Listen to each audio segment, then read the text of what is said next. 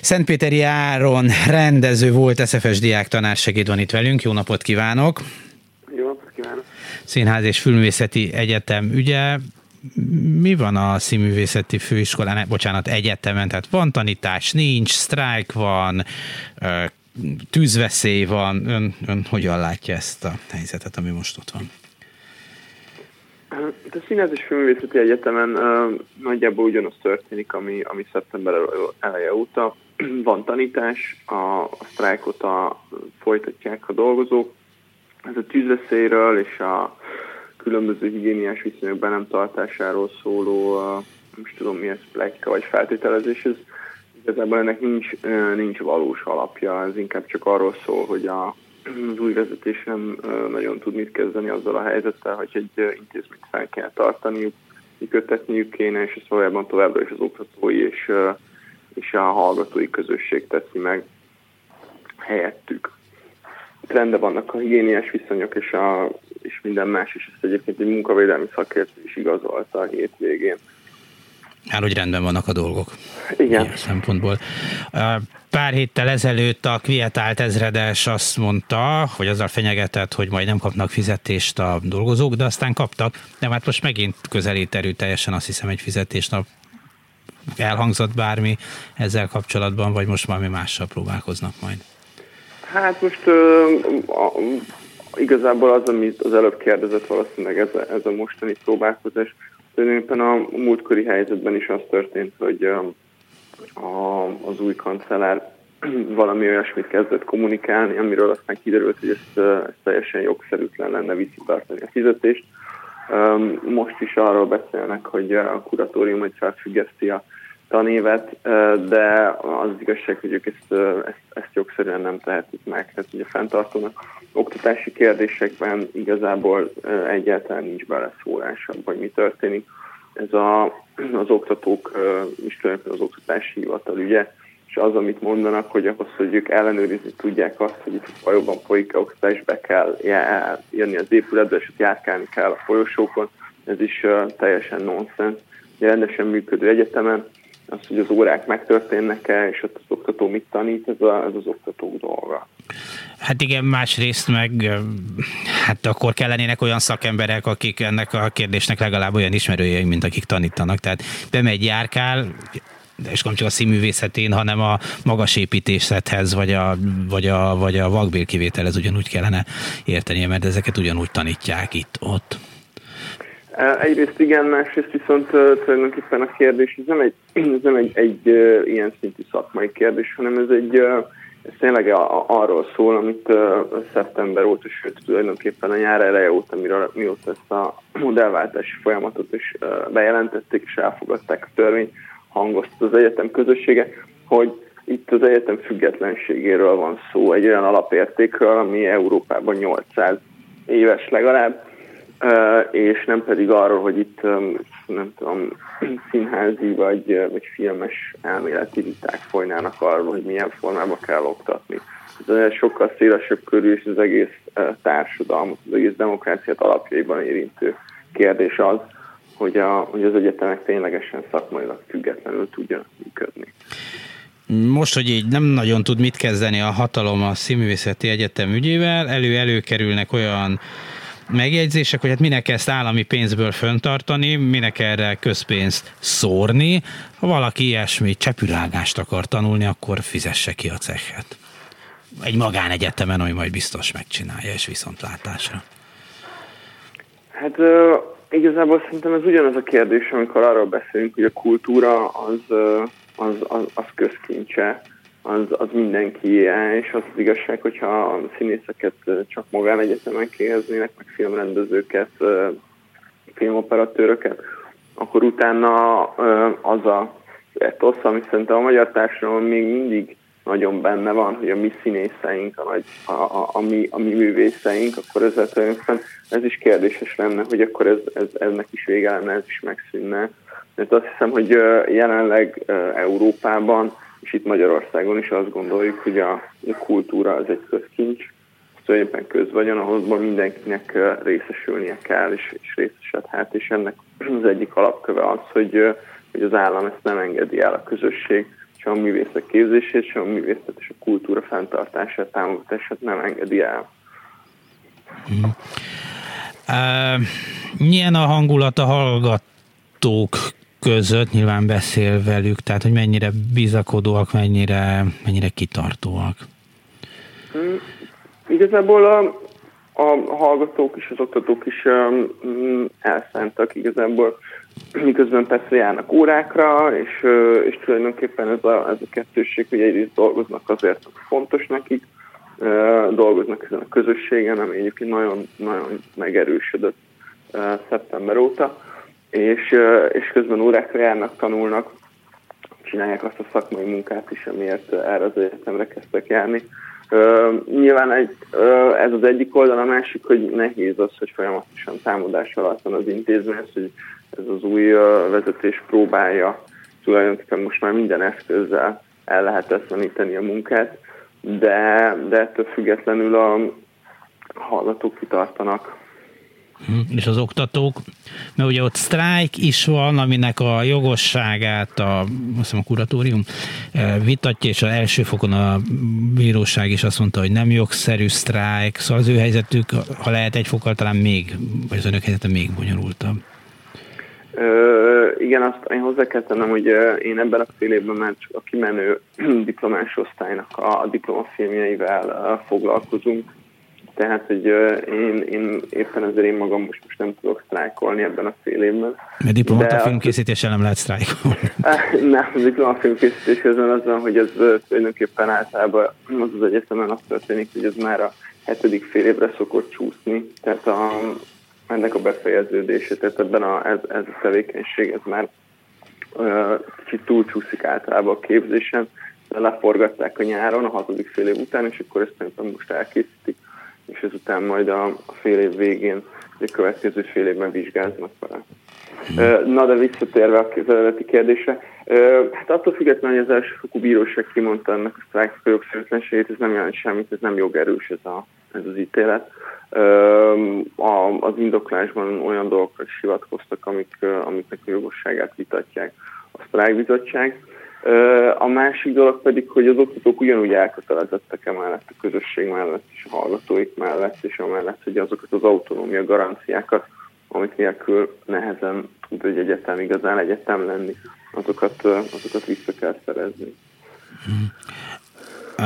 Ugye nyilván azért az a kérdés, mert, mert sokan mondják azt, és ebben nyilván rengeteg igazság van, hogy na most aztán tényleg van mit tanulni, és látjuk, hogy a nyilvánosság elé is kerül nagyon sok abból, amit a hallgatók csinálnak, de hát ez egy mégsem olyan fél év, mint, mint ami szokott lenni az egyetemen. Tehát, hogy, hogy, hogy oktatás szempontjából hogyan értékeli, vagy, vagy tényleg ez egy beszám, beszámítható fél éve, most nem is administratíve kérdezem, hanem, hanem a világról alkotott ismereteink szerzése szempontjából.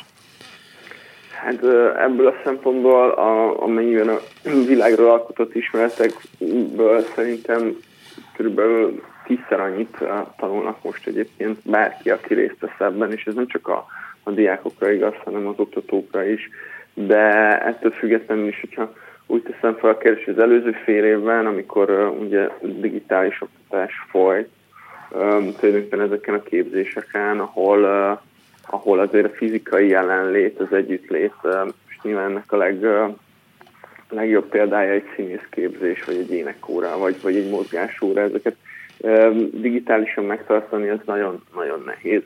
Szóval, ha azt elfogadtuk, hogy az, az releváns és érvényes tudás, akkor ezt, hogy most élőben megtörténnek ezek az órák, és emellett mindenki rengeteget tanul együtt gondolkodást, demokráciát, tulajdonképpen azt, hogy hogyan lehet működtetni egy közösséget együtt, és hogy lehet egymásért is dolgozni, és tényleg még sokkal többet belerakni egy csomóféle mindent a performance-okba, abba, hogy tulajdonképpen ezt a küzdelmet fenntartják a hallgatók. Szerintem ez egy, ez egy tulajdonképpen egy soha vissza nem térő lehetőség arra, hogy valóban, vagy másfajta tudást is felszedjenek az emberek, és tényleg nem csak a hallgatók, hanem mindenki.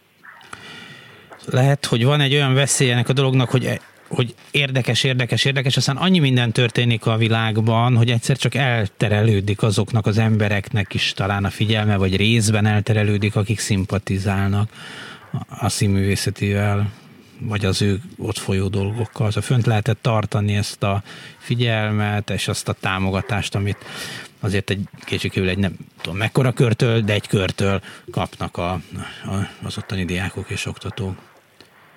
Hát igen, ez a, hogy a kör mekkora, ugye október 23-án 30 ezer ember kint volt ezen a szimpátia tüntetésen, amin ugye más társadalmi csoportok képviselő is felszólaltak az SZF-vel együtt, az SZF mellett voltak orvos ápolók felszólalóink, pedagógusok, szakszervezetek képviselői. Hát igazából ez egy, ez egy jó kérdés, amit mond. Figyelem a közvélemény csak nyilván egy ponton túl mindig vannak érdekesebb dolgok, mindig vannak más dolgok. Nekünk az a dolgunk, hogy, hogy képviseljük azt, amiben hiszünk, és, és remélni, hogy, hogy ez, ez valóban fontos az embereknek, és, és jönnek velünk továbbra is. A tüntetés után felerősödtek azok a vélemények, vádak, hogy ez egy politikai akció, itt nem arról van szó, hogy mi lesz a színművészeti egyetemmel, vagy nem elsősorban erről van szó, hanem ez egy kormányellenes politikai akció, amelyet egy szűk kör, megint egy szűk kör, ez ki hogy nevezi meg, szervez a hatalom ellen. Hát nem tudom én erre azt tudom reagálni, hogy ez, hogy ez abszurd. Szóval, hogy amennyiben a, ezt a nagyjából 500 hallgatót és két 300 oktatót és dolgozót, amit a Színház és Filmvészeti Egyetem polgárainak lehet nevezni, azt egy szűk körnek lehet nevezni, akkor ez valóban egy szűk kör szervezte. De ez nem valami, nyilvánvalóan nem valamiféle háttérhatalom, és nem egy politikai megmozdulás volt. Mert abban az értelemben minden politikai, hogy, hogy az közügy, hogy vannak-e független intézményeink, az egyetemek a, a mindenkori hatalomtól függetlenül tudnak-e működni, nem csak most, hanem bármikor. De ez az, hogy valami közélet és az egész társadalom számára van relevanciája, ö, soha nem, vagy nem, nem egyenlő a pártpolitikával gondolkoznak-e, és nem tudom, mire gondolok, valamiféle menekülő utakon. Tehát ha itt ellehetetlenítik az oktatást, akár így, akár úgy, akkor, akkor mit lehet tenni a hallgatóknak és a, a, a tanároknak? Hát a, az egyetemi közösségnek az a véleménye, hogy, hogy maradni akar abban az egyetemen, ami, a, ami az övé, és ahol az a dolga, hogy, hogy tanuljon és oktasson. Erre most csak ezt tudom mondani azért az elmúlt években már talán tapasztalató volt, hogy igyekeztek lerohasztani már anyagi értelemben az egyetemet, tehát semmire nem volt pénz, vagy nagyon kevés dologra volt pénz. Elég vacak körülmények között kellett dolgozni, miközben pénz ezek szerint van, nem csak a Mészáros Lőrinc féle építkezésekre, hanem hogyha meg kell venni a tanárokat, vagy azt hiszik, hogy meg lehet venni, akkor fizetésemelésre hirtelen talán kampuszt is lehet újat építeni, és a többi. De hát így azért továbbra is ott lehet tartani a nyakának kést az intézménynek. Mm, hát a kancellári rendszer, amit nem is tudom, talán 7-8 éve vezettek be, bocsánat, nem emlékszem pontosan, mm. mikor az egy, igen, az az, hogy nem tudom, hogy hallgatók tudják, hogy a kancellár az egyetemen az, aki a gazdasági működést felügyeli, és tulajdonképpen végsősorban minden egyetemi kifizetést egy szemében felügyel, ami már egy nagyon erős eszköz volt arra, hogy hogy a, a független egyetemi működést korlátozzák.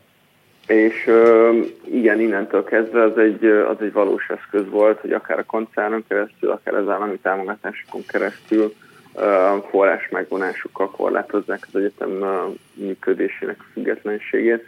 De ez a mostani, ez azért egy, egy új szint, mert az látható, hogy, a, most már ugye a kuratóriumok, és megint nem csak a mi kuratóriumunk, ami az SZF-hez került, hanem a, az összes többi modellváltó egyetemen is, olyan jogosultságokat is magához vont, amivel akár már ugye az egyetem akadémiai kérdésekből is direkten bele tudnak szólni ez megint egy újabb, hogy is mondjam, újabb vörös vonal. Ugye itt, itt előkerül, hogy mit jelent az autonómia felszámolása, és talán nem azt, hogy bemegy valaki, és azt mondja, hogy balra tessék nézni, miközben ott a tanár azt mondta, hogy jobbra, hanem hogy például olyan embereket tesznek oda, akik nem feltétlenül szakmai és pedagógiai képességük alapján érdemesek arra, hogy tanítsanak, de nem tudok rá jobb szót mondani, jó elvtársak.